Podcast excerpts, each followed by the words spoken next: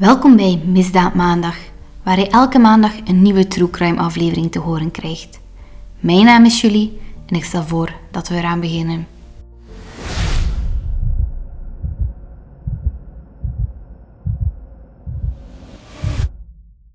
Tijdens de jaren 80 pleegt een Brusselse criminele bende verschillende gewapende overvallen op geldtransporten. Patrick Hamers wordt al snel genoemd als een van de belangrijkste figuren van deze overvallen. Samen met bendeleden Philippe Lacroix, Thierry Smars en Basili Bajrami baant hij zich een weg naar de top van het zware banditisme.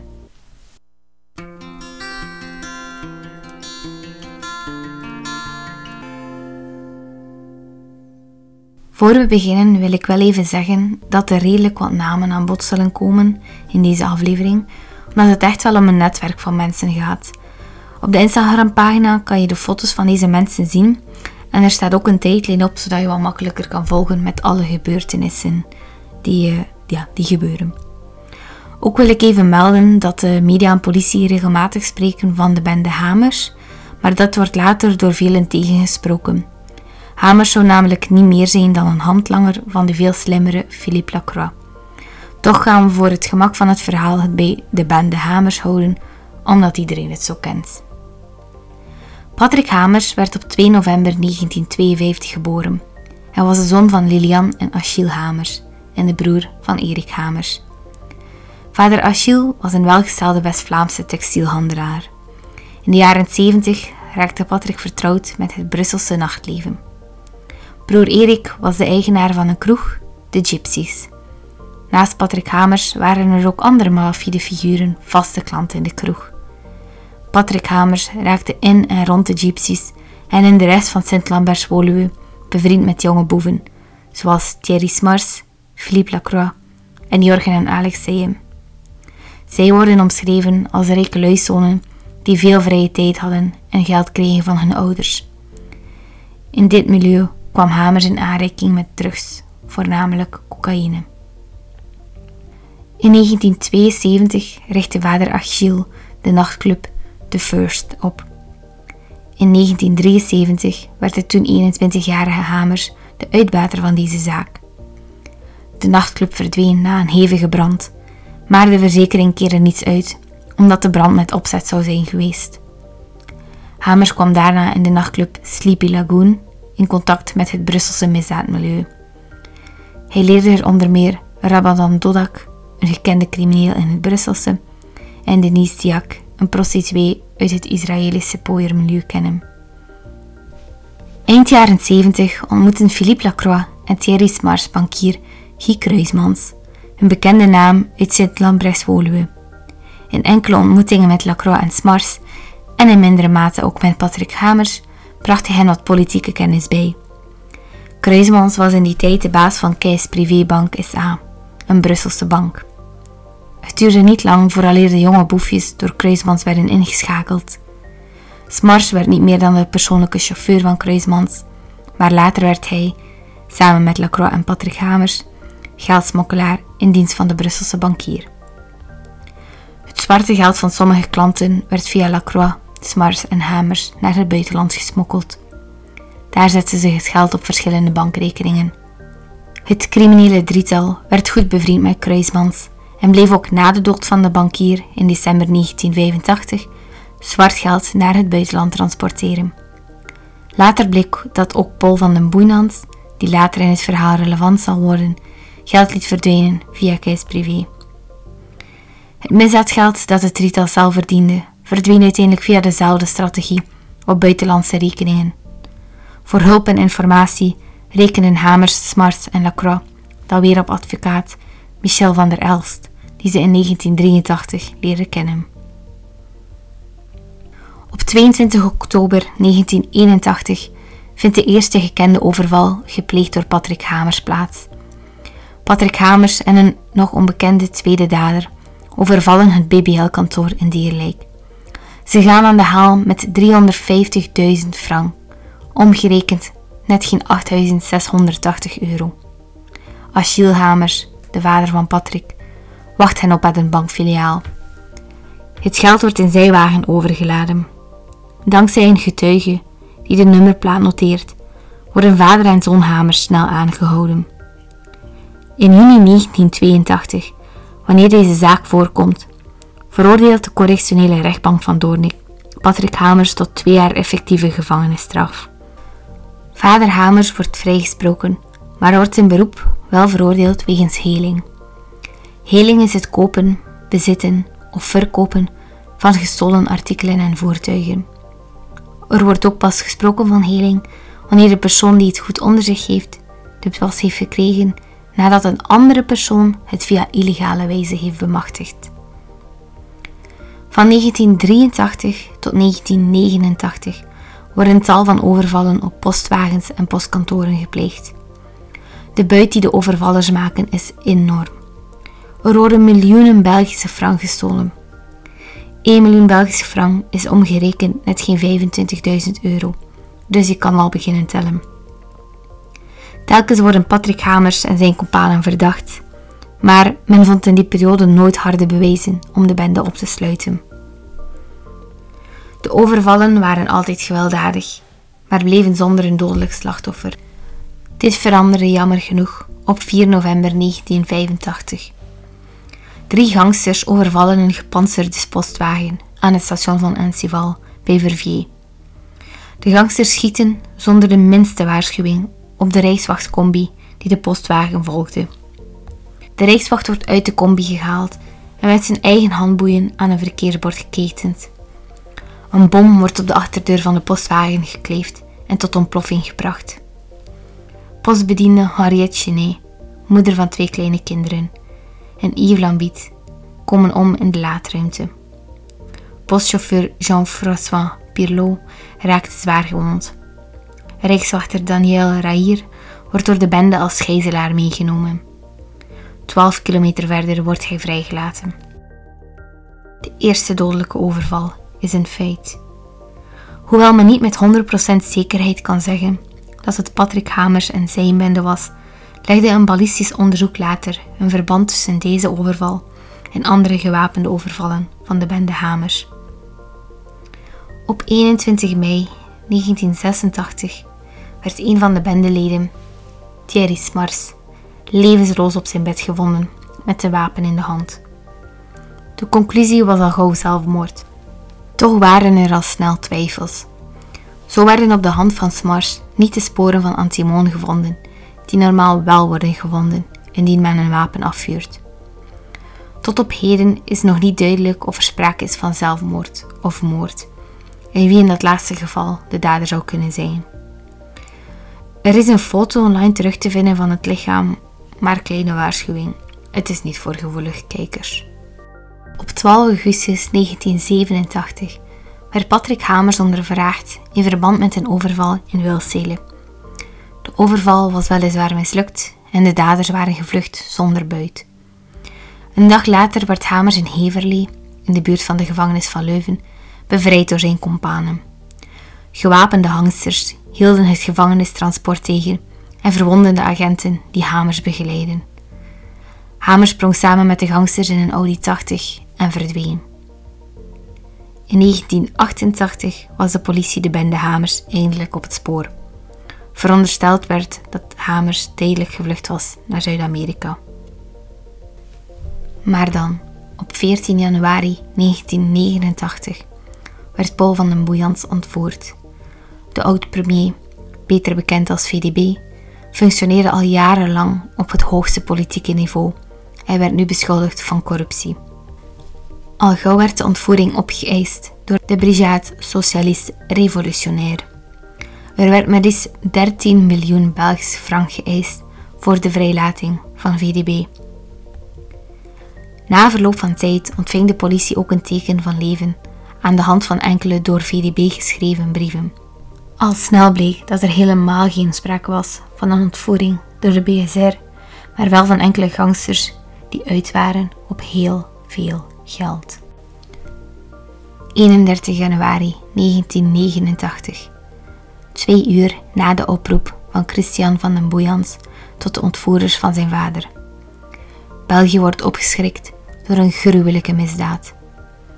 Op dit ogenblik denkt niemand dat er een verband is tussen de misdaad en de ontvoering van VDB. De brutaliteit waarmee de gangsters die avond op de autoweg naar de kust in Groot Bijhaarden een gepantserde geldtransport van de GMIC overvallen, kent geen grenzen meer. De overvallers zijn minstens met zijn vieren. Ze rijden met een zware BMW. De BMW steekt de GMIC-wagen voorbij. Tijdens dat manoeuvre klautert een van de gemaskerde gangsters door het geopende dak van de wagen. De man begint op het geldtransport te vuren. De kogelvrije vooruit de GMIC-wagen barst, maar laat de munitie niet door. De 22-jarige chauffeur, Ronnie Cruz, geeft alarm via de radio en stopt op de linkerrijstrook. Meteen daarna gooit hij zich, zoals het geleerd wordt, plat op de buik in de laadruimte van het voertuig. De kogels die worden afgevuurd houden niet op. Later worden in de flank van de gepantserde wagen 12, in de achterkant 8, in de deur 4 en in de vooruit 5 kogelinslagen geteld. Een totaal van 29 kogels werd dus op de wagen afgevuurd. Een van de kogels dringt door de gepantserde wand en raakt begeleider Peter Bultnik in de knie. Kom uit het voertuig, roepen de gangsters in het Frans.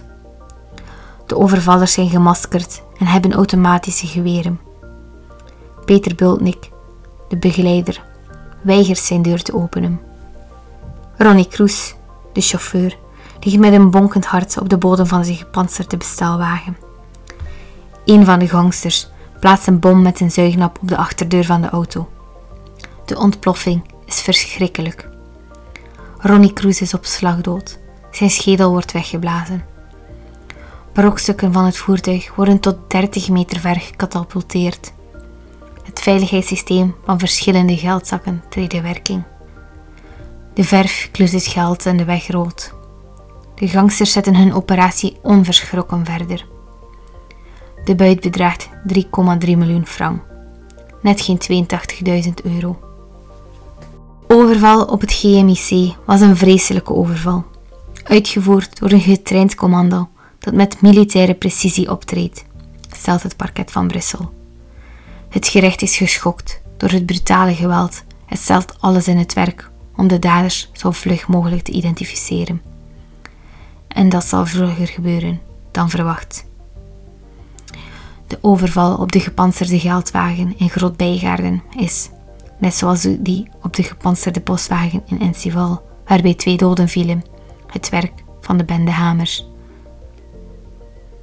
Rond 10 februari 1989 werd eindelijk het losgeld betaald voor de vrijlating van VDB. Op 13 februari, een maand na zijn ontvoering, werd VDB vrijgelaten in de buurt van het station van Doornik. Al maanden luistert de politie telefoongesprekken af van Basri Bashrami, een van de kopanen van Hamer. Het onderzoek naar de ontvoering van het VDB komt plots in een stroomversnelling wanneer Bashrami op 14 februari het volgende telefoongesprek heeft met zijn vrouw. Ik heb het geld van de Nouwen. Kom naar Metz. De politie volgt Bashrami's vrouw naar Metz en kan hem daar arresteren. Groot is de verrassing wanneer ze het geld van de Nouden vinden.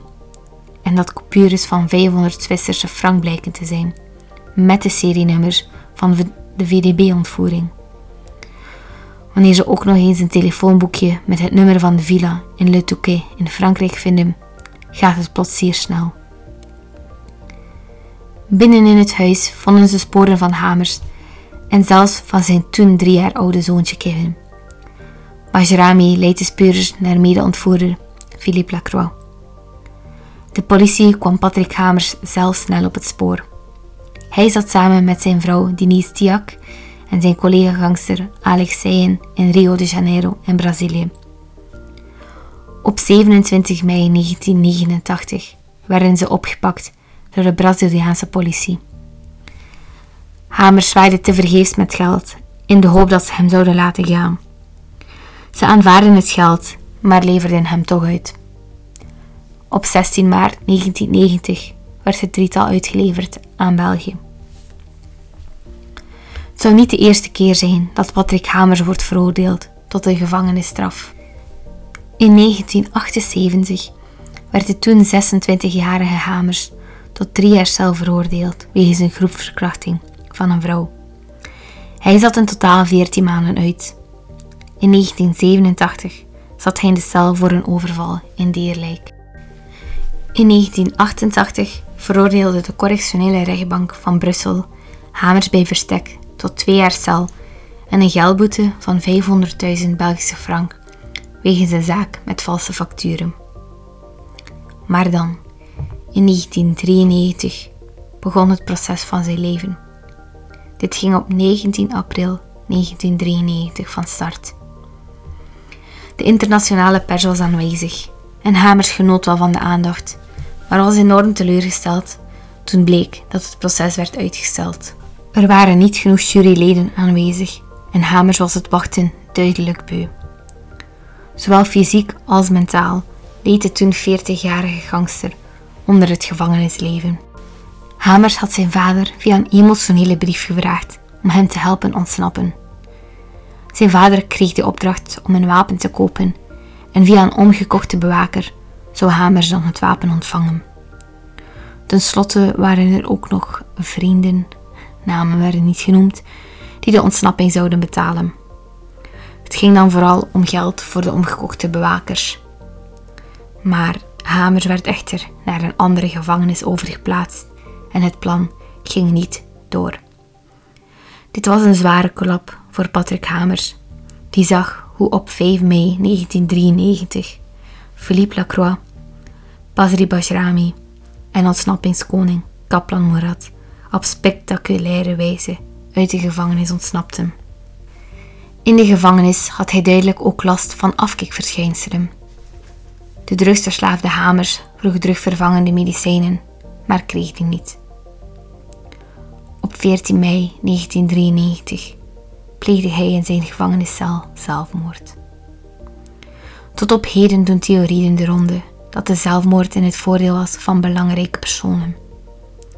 Hamers wist namelijk veel over het zwarte geld van bekende figuren uit onder meer de politieke wereld. Hij kondigde aan dat hij zou praten op het proces, omdat hij het leven in de gevangenis niet langer aankon. Vader Achiel zou achteraf opmerken dat er niet betaald werd voor de ontsnapping van zijn zoon Patrick, maar dat er even later door dezelfde personen wel betaald werd voor de ontsnapping van Lacroix, Bajrami en Murat. Achille denkt dat zijn zoon door heel belangrijke figuren in de steek gelaten is. In januari 1994 zette het Brabantse Assisenhof er een definitief punt achter. Philippe Lacroix en wapenmaker Robert Darville kregen de doodstraf, die later zou worden omgezet naar levenslang.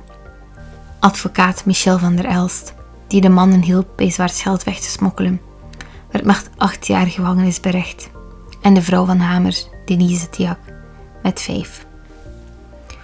Ondertussen is de volledige bende Hamers, of toch wat daarvan overblijft, terug op vrije voeten. Philippe Lacroix kwam in 2004 al vrij. Sinds 2012 is Lacroix leerkracht. Eerst Nederlands en Engels in het volwassenenonderwijs en daarna gaf hij dezelfde vakken en ook het vak geschiedenis aan tieners van de derde graad middelbaar onderwijs. In 2021 kreeg hij van justitie officieel eerherstel. Hiermee werd zijn strafblad gewist. Basri Bajrami werd in 2005 bij ministerieel bevel uitgewezen naar Kosovo, omdat hij nooit een verblijfsvergunning had. Hij zou de rest van zijn straf daar uitzitten, maar kwam al in 2007 weer vrij. Omdat het uitwijzingsbevel maar voor tien jaar gold, kon Bajrami al snel terugkeren naar België. Maar Bajrami kon niet op het rechte pad blijven, zoals Lacroix deed. Hij moest in 2016 voor de rechter op Ibiza verschijnen voor afpersing en doodsbedreigingen. Hij zou er geprobeerd hebben een Belgische zakenman die op het eiland woont 1,3 miljoen euro af te persen. Een meer dan bloederig hoofdstuk uit de Belgische criminele geschiedenis is afgesloten, maar heel wat vragen blijven. In een krantenartikel van de Morgen uit 2004, geschreven door Douglas de Koning, staan een hele hoop vragen die er nog waren in de nasleep van de bende Hamers. Ik heb er enkele uitgekozen die ik hier ook nog eens wil overlopen. Ik wil wel even meegeven dat ik praktisch alles letterlijk woord voor woord herhaal, dus nog even credits naar journalist Douglas de Koning. De eerste vraag gaat over de zelfmoord van bendelid Thierry Smars. Op 21 mei 1986 pleegde Thierry Smars zelfmoord. Maar de vraag blijft of dit wel degelijk een zelfmoord was. De revolver lijkt wel erg losjes in de hand van Smars te liggen. Want wie zich een kogel door het hoofd jaagt, heeft daarna meestal niet meer de mogelijkheid om het wapen zo vredig op hun eigen buik te leggen. Op de hand van Smars blijken geen sporen van antimonium aanwezig, wat had gemoeten als hij zelf het schot zou hebben afgevuurd. Aan speculaties over de veronderstelde moord op Smars geen gebrek. Ruzie met Hamers en Lacroix, het zwijgen opgelegd na kritiek op Darville vanwege het gebruik van al te dodelijke explosieven bij een zoveelste overval, een voornemen om uit de biet te klappen over de klusjes die hij hielp verrichten voor de klanten van de Keis Privé. Het zijn nogthans zeker niet Hamers of Lacroix die Smars kunnen hebben geholpen bij de zelfmoord. Zij werden in oktober 1985 aangehouden door de Brusselse onderzoeksrechter Colin. De volgende vraag. Wie hielp bij de ontsnapping van Patrick Hamers in 1987? Op donderdag 13 augustus om 2 uur in de middag wordt de celwagen die Hamers van Leuven naar het Brusselse justitiepaleis voert, klemgereden door een Audi 80 die in Halle gestolen werd. Twee gewapende gangsters springen uit de Audi en beginnen onmiddellijk te schieten. De gangsters nemen de wapens en de boeien mee van de twee rijkswachters die het transport begeleiden. Patrick Hamers verdwijnt met zijn bevrijders. Wie hem bevrijdde werd nooit duidelijk. Aangenomen wordt dat het Lacroix, Bajrami en Van Dam waren. Zij bleven echter altijd ontkennen. De volgende vraag is een waar men weer een hele reeks complottheorieën over zou kunnen schrijven. Wilde men Hamers wel terughalen uit Brazilië? Na de ontvoering van VDB ontbindt de bende zich. Hamers, Diak, Lacroix, Bajrami, Van Dam en Zeyen zijn uitgeweken naar Brazilië, waar ze een nieuw leven in luxe zijn begonnen. Het duurt drie maanden voor ze daar kunnen worden opgespoord. Dat is vooral de verdienste van de Brusselse BOB'ers, wat staat voor Bewakings- en Opsporingsbrigade, Patrick van Brussel en Rudy de Jonge. Op 27 mei 1989 wordt op verzoek vanuit Brussel de bende in Brazilië gearresteerd. En toch scheen men niet zo happig te zijn om Hamers terug te halen. Het duurde bijna een jaar voor België Hamers, Diak en Zijen uitgeleverd te krijgen. Er waren in die tijd heftige krachten aan het werk om Hamers in Rio te laten zitten, verklaart BOB'er Patrick van Brussel later. De Brusselse magistratuur zou schrik hebben gehad voor de kennis die Hamers en de anderen tijdens de ontvoering van VDB los zou hebben gekregen. Onterechte vrees. Eens terug in België viel het een beetje tegen met al die onthullingen die Hamers of anderen zouden gaan doen. En dan de laatste vraag. Wie leverde de wapens voor de ontsnapping van de eeuw? Het land stond op stelten. Uit de gevangenis van Sint-Gilles was zowat de top van het landelijke gangsterwezen ontsnapt. Philippe Lacroix, Basri Bajrami en ontsnappingskoning Kaplan Murat. Die laatste behoorde niet tot de bende Hamers, maar het was zo'n beetje aan zijn reputatie verplicht om deze gelegenheid niet voorbij te laten gaan. Er waren niet alleen deze drie klinkende namen, er was ook de manier waarop, ochtends bij het luchten, drukte Lacroix een cipier een pistool tegen het hoofd. Hij verplichtte hem de cellen van de twee anderen open te maken. Ze gijzelden een tweede cipier en even later ook de ter plaatse groepeninspecteur-generaal Harry van Oers. Met hem als extra gijzelaar reed het trio weg in een voor de gevangenis klaarstaande BMW.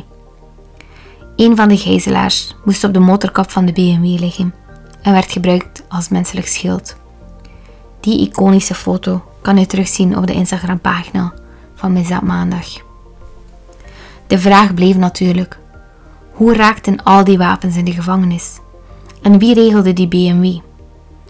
Het Brusselse parket verdachte Eddie Wouters, een cipier met niet geheel onbesproken reputatie. Tegenover zijn ondervragers liet kaplan Murat zich al ontvallen dat ze de verkeerde hebben. Lacroix en Bajrami, inmiddels ook gevat, hielden de lippen op elkaar. Tijdens de rechtszaak zei Philippe Lacroix dat hij niet wist wie het was geweest, maar dat dat er wat hem betrof ook allemaal niet zoveel meer toe deed. Ik neem de schuld op mij. Ik heb alles georganiseerd. Ik heb daar geen probleem mee. De Brusselse correctionele rechtbank veroordeelde cipier Eddie Wouters tot vier met uitstel. Op 29 april 1999 sprak het Hof van Beroep hem echter vrij, wegens twijfels. Niemand werd ooit veroordeeld voor het aanleveren van pistool en granaten. De bende Hamers wordt ook vaak geassocieerd met de bende van Nevel. De bende van Nevel was de naam die de media gaf aan een bende gewapende criminelen die minstens 28 moorden op hun geweten hebben en die in 1983 en 1985 verschillende grotwarenhuizen overvallen hebben. De gewelddadige en militaire aanpak van de bende leek erg op die van de bende Hamers. Bovendien kwam de politie tijdens het onderzoek vaak in aanraking met het Brusselse misdaadmilieu van de jaren 80 en dus ook met beruchte gangsters zoals Philippe de Starke en Patrick Hamers. Bij de overvallen van de bende werd er naar de daders verwezen door middel van bijnamen, zoals de Oude, de Killer en de Reus. Vooral die laatste bijnaam werd geassocieerd met Patrick Hamers vanwege zijn grote lichaamslengte. Sommige getuigen beweerden jaren na de feiten dat ze Hamers herkenden als dader. Met deze informatie werd weinig of niets gedaan en Hamers werd nooit officieel beschouwd als lid van de bende van Hevel. Mocht je meer willen weten, online is er een hele hoop informatie terug te vinden. Zowel krantenartikelen als documentaires. Er zijn ook boeken over de bende geschreven. Aan info zal je zeker niet tekort komen. Ik wil deze aflevering van de podcast zoals gewoonlijk graag afsluiten met het herinneren van de levens die verloren zijn gegaan door de brutale overvallen van de bende Hamers. Postbediende Harriet Chenet liet twee kleine kindjes achter. Yves liet diezelfde dag het leven.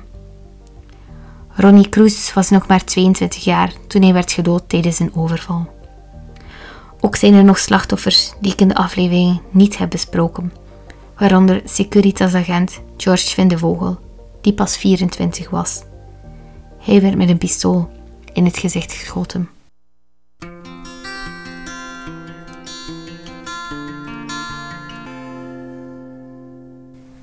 Dankjewel voor het luisteren en hopelijk tot volgende maandag bij een nieuwe aflevering van Misdaad Maandag.